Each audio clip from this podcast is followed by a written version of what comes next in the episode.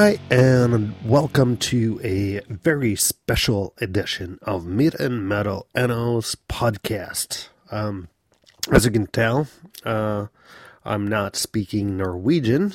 I am actually speaking English because this is something I uh, started thinking about over the holidays, over Christmas, and I figured that, you know, it's about time I did. Uh, an episode in English, a special English, or an English special, uh, perhaps is the correct term, because this has been a podcast in Norwegian about barbecue, about grilling, and it still is a very much a Norwegian minded and focused uh, podcast on barbecue and grilling.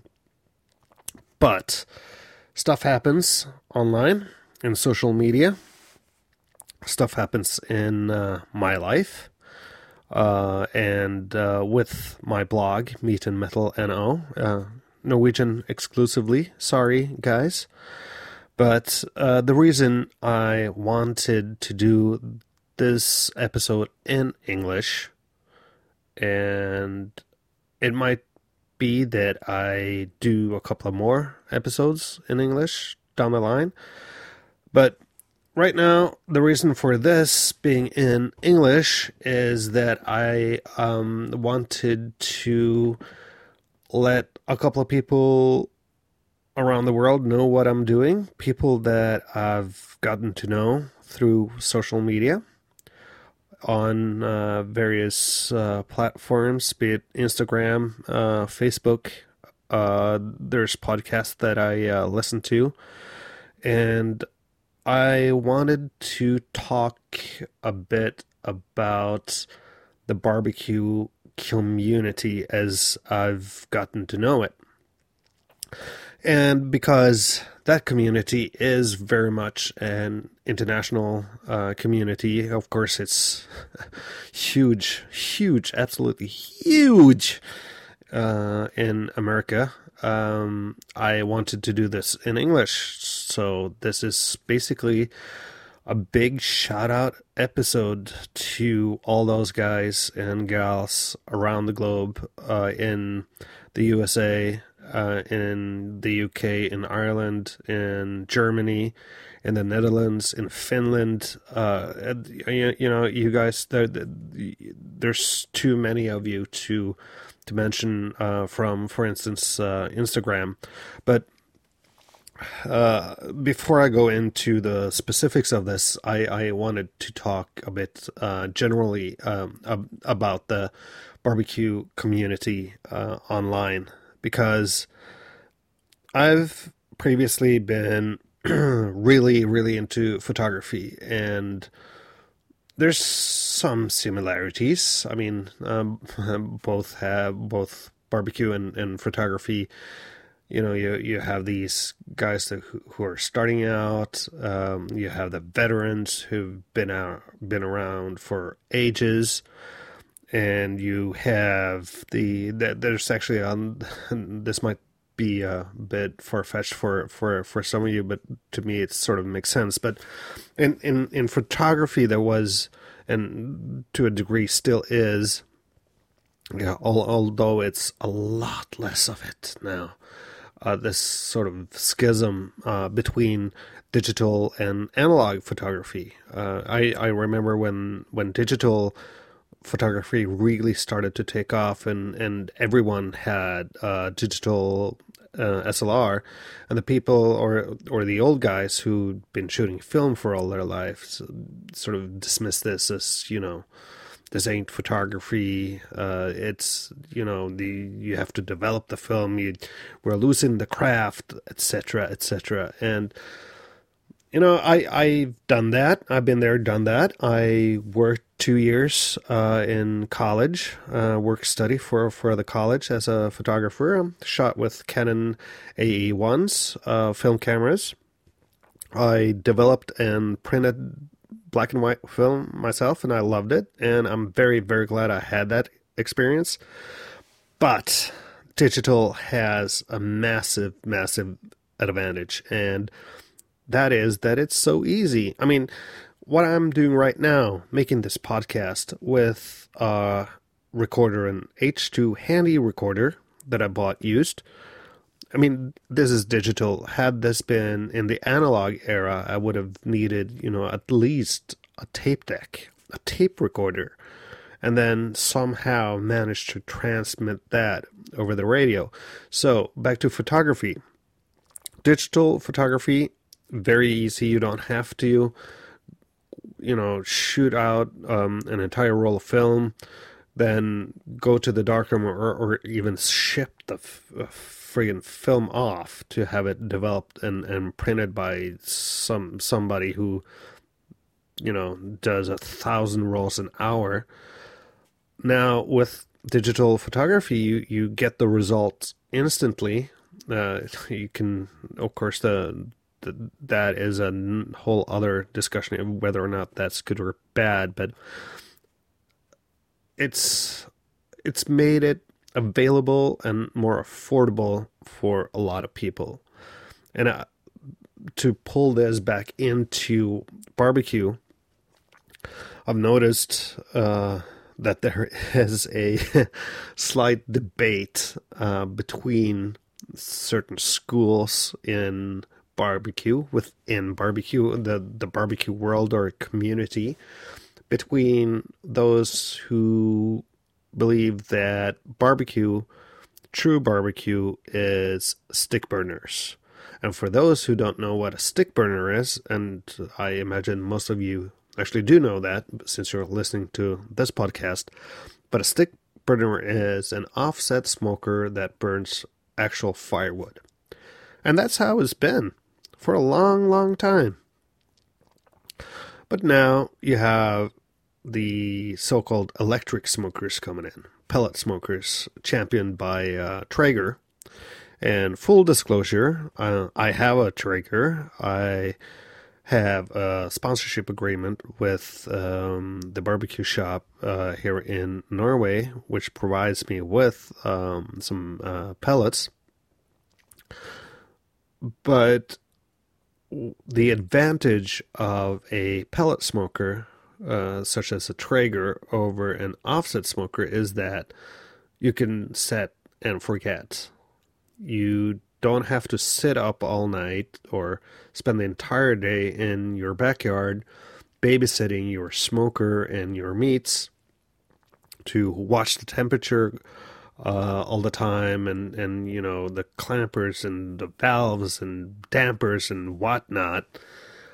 With um, a pellet smoker, you set the temperature and make sure that the smoker or grill has enough pellets. Of course, you have to tend the meat, uh, spritz it if if you like, and wrap it after a couple hours or or whatever.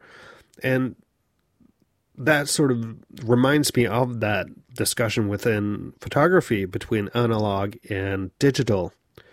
Because you know a pellet smoker is it's very easy and and you get excellent excellent results.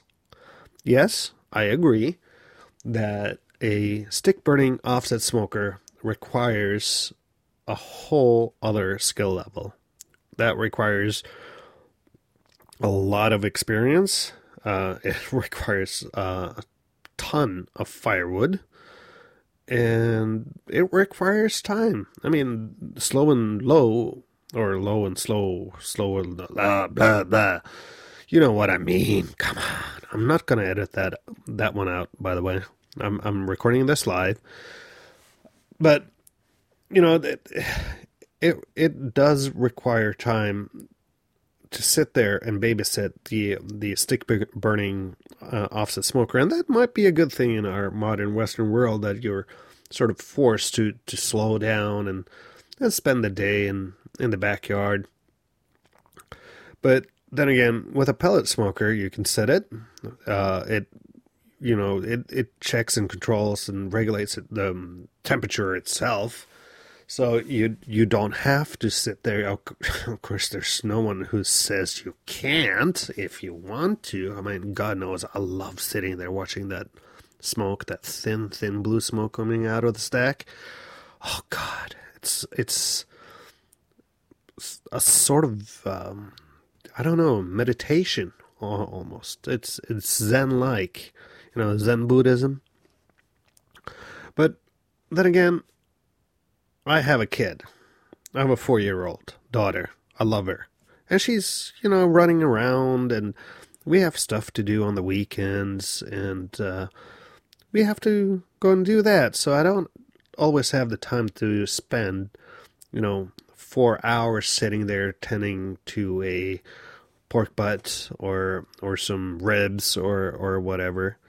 And another point is that you know it it doesn't take me all that long to to fire up my Traeger and it's easy and it's easy to shut down, which means I use it a lot more than I would with a big hulking uh, offset stick burning smoker.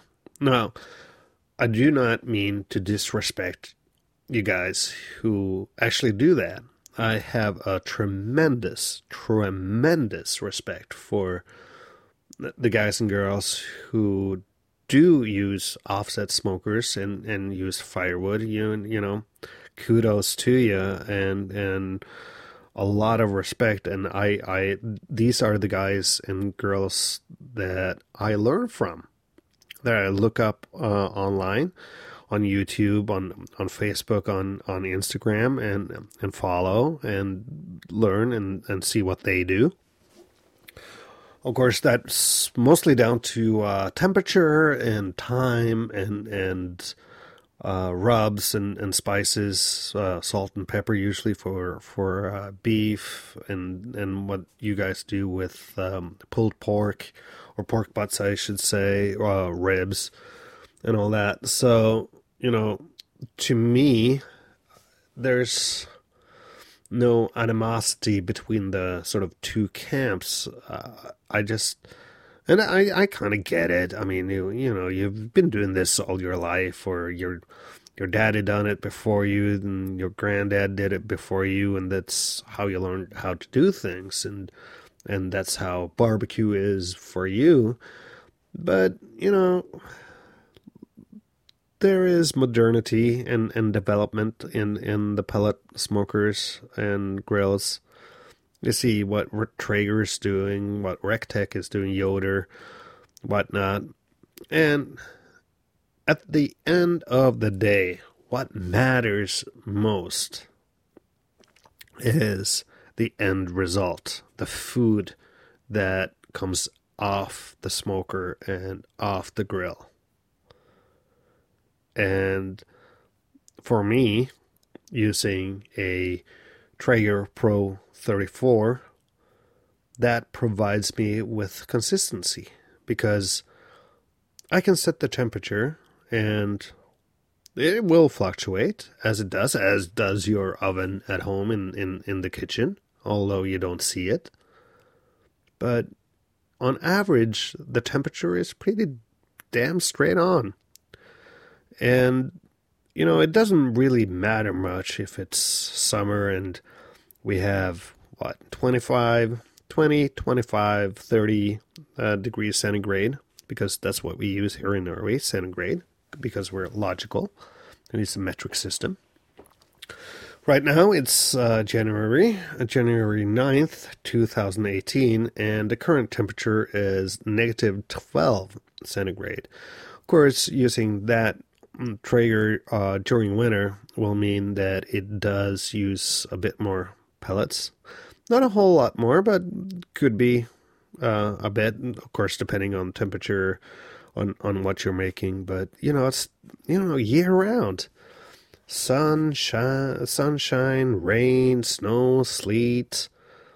You know, it doesn't matter. That, that piece of machinery actually does put out a pretty consistent temperature. And I know with with an offset stick smoker, uh, you can get the same, but it takes a lot more effort and a lot more work and uh, a, a lot more time. And again, you know,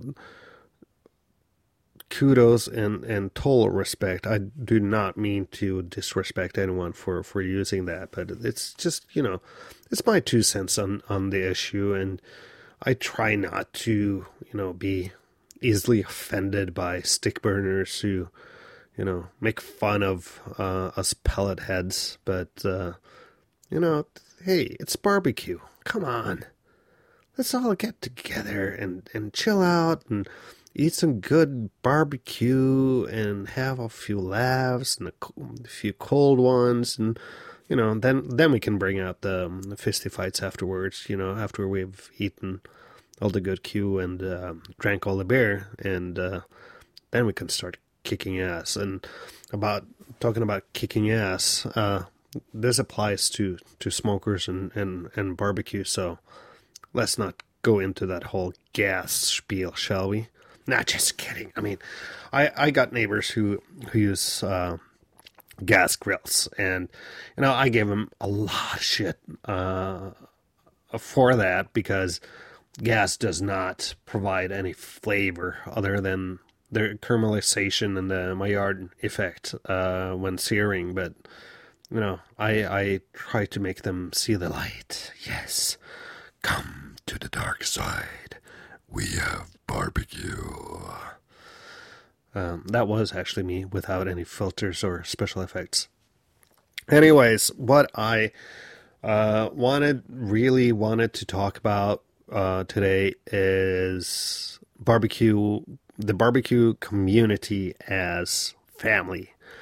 And perhaps not, it's not perhaps that strange that this was an idea that formed over the holidays because, you know, at time, uh, Christmas is a family holiday. You know, you got your kids running around, meeting the family, and, you know, these parties that everyone has to go to and whatnot. And I, I, you know, I didn't do much barbecuing over over the holidays, although I kind of regret not doing that right now.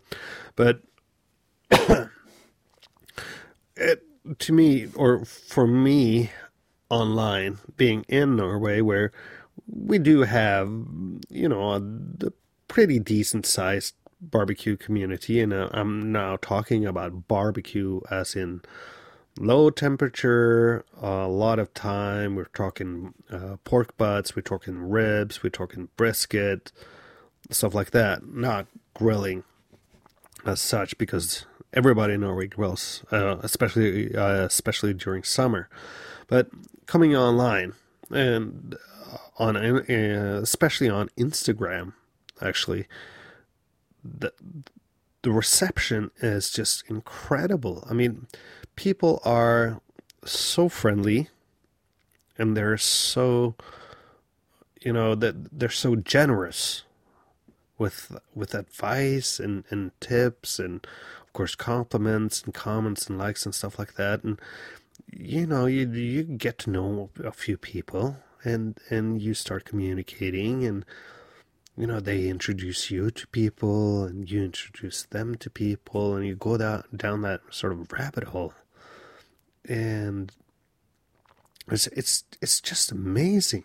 It's just truly truly amazing to me to to see people with a shared interest in, in food and cooking and, and barbecue from all across the world coming together and you know celebrating our hobby because that's what it is for most of us at least that you know most of us aren't professional uh, pitmasters, although I think a lot of us harbor that sort of fantasy or dream uh, about taking the plunge and opening a, a barbecue shack somewhere, or perhaps um, a food truck or a pop up restaurant somewhere in our hometowns.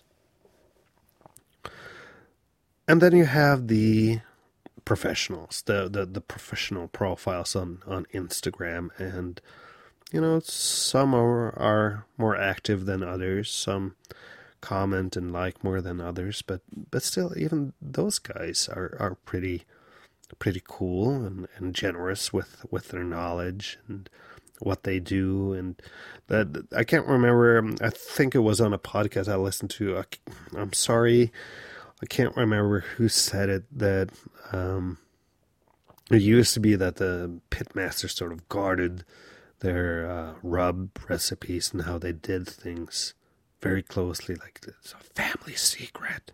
Shh, I might have to. I I can tell you, but uh, might have to kill you afterwards. But now, in this digital era, it's it's there are no secrets no more. I mean, Aaron Franklin of Franklin Barbecue. I mean, if you're listening to this podcast, I do not have to tell you who he is. Has written a book called Franklin Barbecue, which is very good, which I think you should read if you haven't, and you should buy it if you haven't. But that's basically how he does it. That's that's his secret is in that book. And still, if you followed everything to the letter in that book, you will not produce a brisket the way Franklin does. Strange, huh?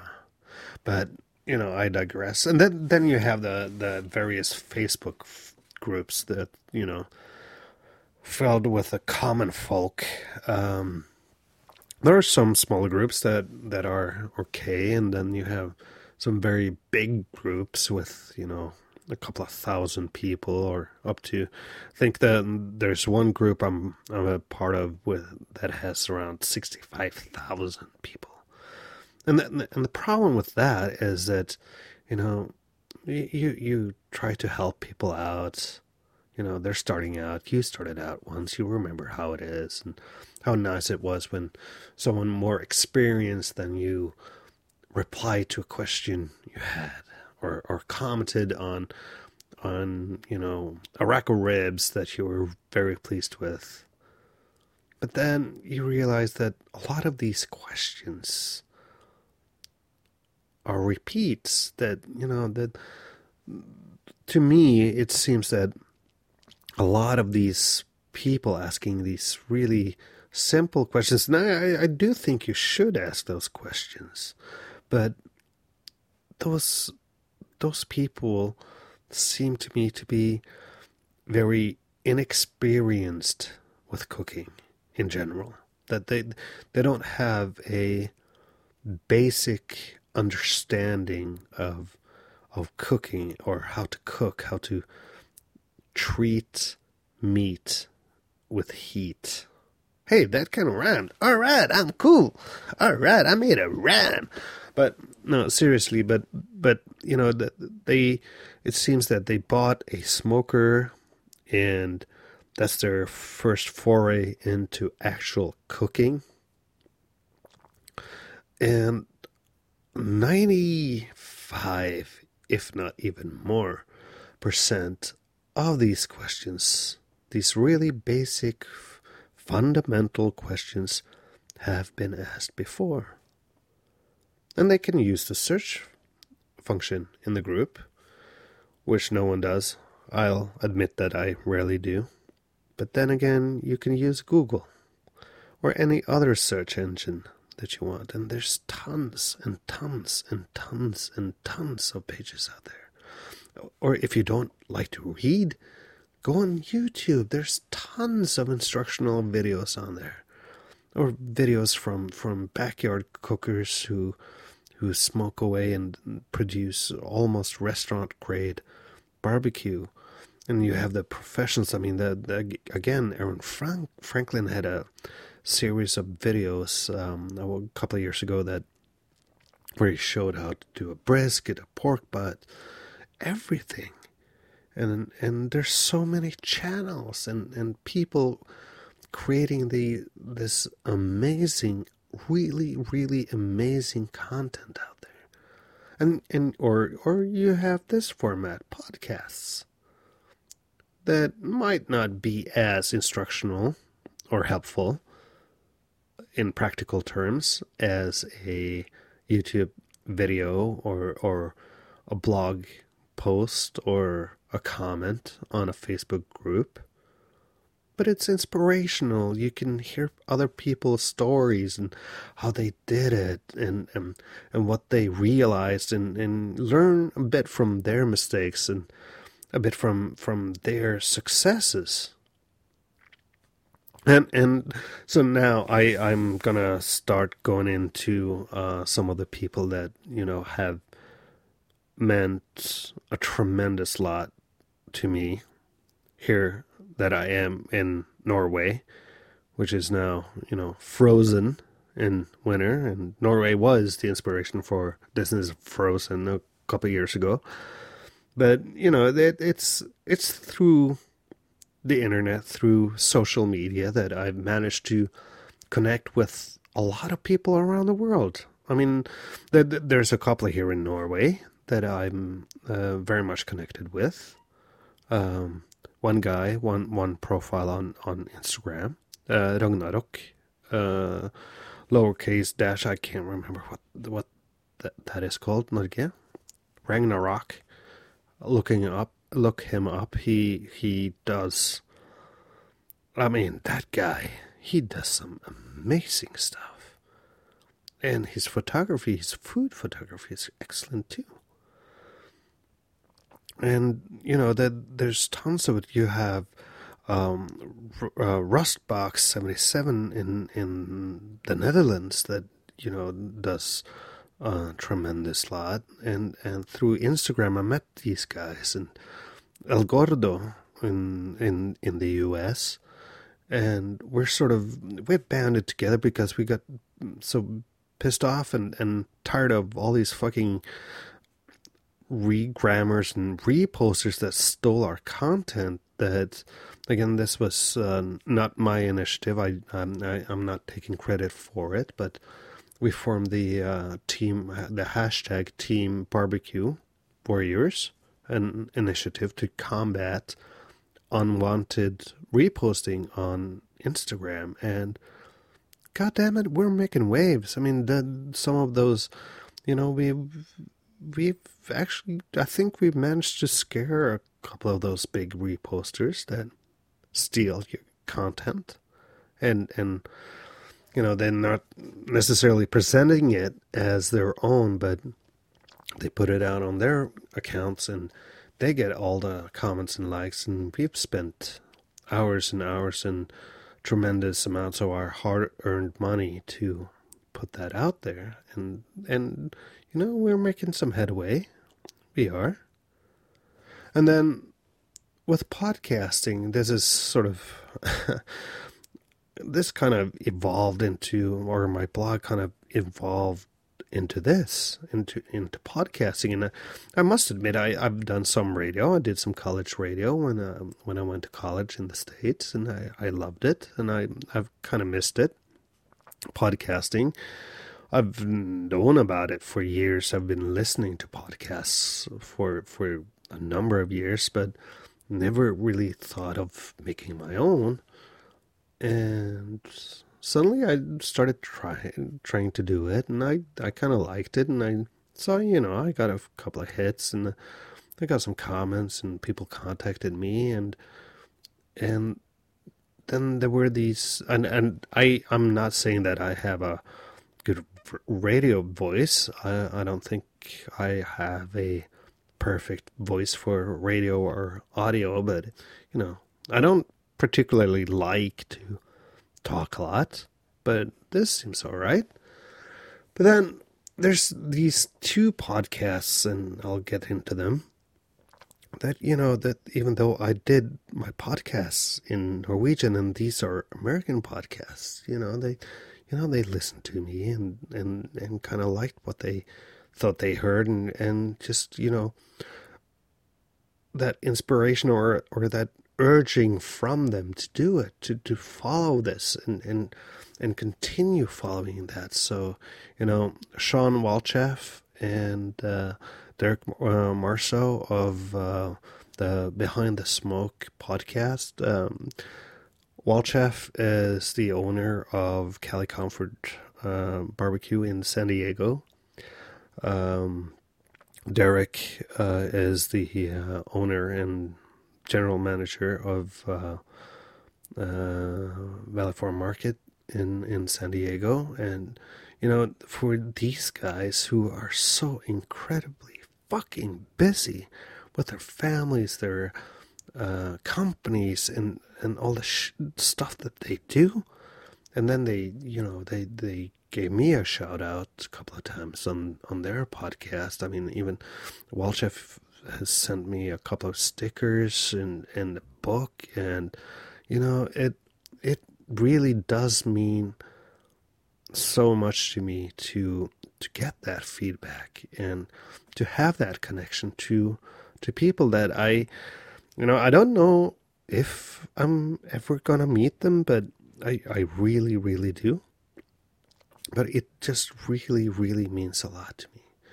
And and the same goes for another post, podcast out of Austin, Texas, called uh, the Best Barbecue Show. I mentioned the these guys on on my show or my podcast before as well, but you know they travel around Texas or in, especially in the Austin area, talk to pit masters, and you know they go and eat the best uh, barbecue there is around Texas, and bastards, I'm so en- envious, but you know that they, they've given me a couple of shout outs too, and you know, even even though I'm I'm doing this in Norwegian most of the time, apart from this episode and perhaps a few more down the line. But that means just you know, it means so much to to have people like that be generous with with their time and and communication and and sort of there's no competition that's what I'm getting at. It's no, it's there is no competition. It's just people helping people out, and that's what I really, really appreciate about it. And and and that's what I think makes the barbecue community so great. That you know we're helping each other out. I'm I'm not talking about the competition circuit here because I don't compete and I don't ever plan to do so.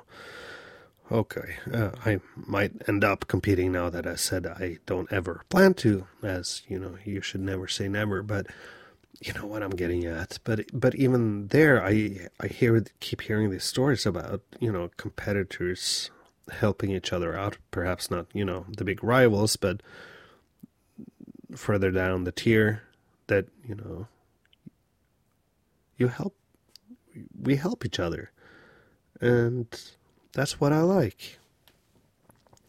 Well, this was a shortage episode, so I'm going to leave it at that. Um, follow me on Instagram. Meat and Metal NO is my handle. I'm on Facebook, Meat and Metal NO. And yes, I am on Twitter. I'm not very active on Twitter, but I am on Twitter. So Meat and Metal NO there as well. If you want to learn Norwegian, you can read my blog at meatandmetal.no, or you could always just come for the food porn. I know you like it. All right, guys. Um, thank you so much for following me on this uh, podcast and following me on my barbecue journey in my exploration of uh, barbecue and grilling and, and cooking with fire. And I hope you enjoyed the show. Keep that smoke rolling, guys.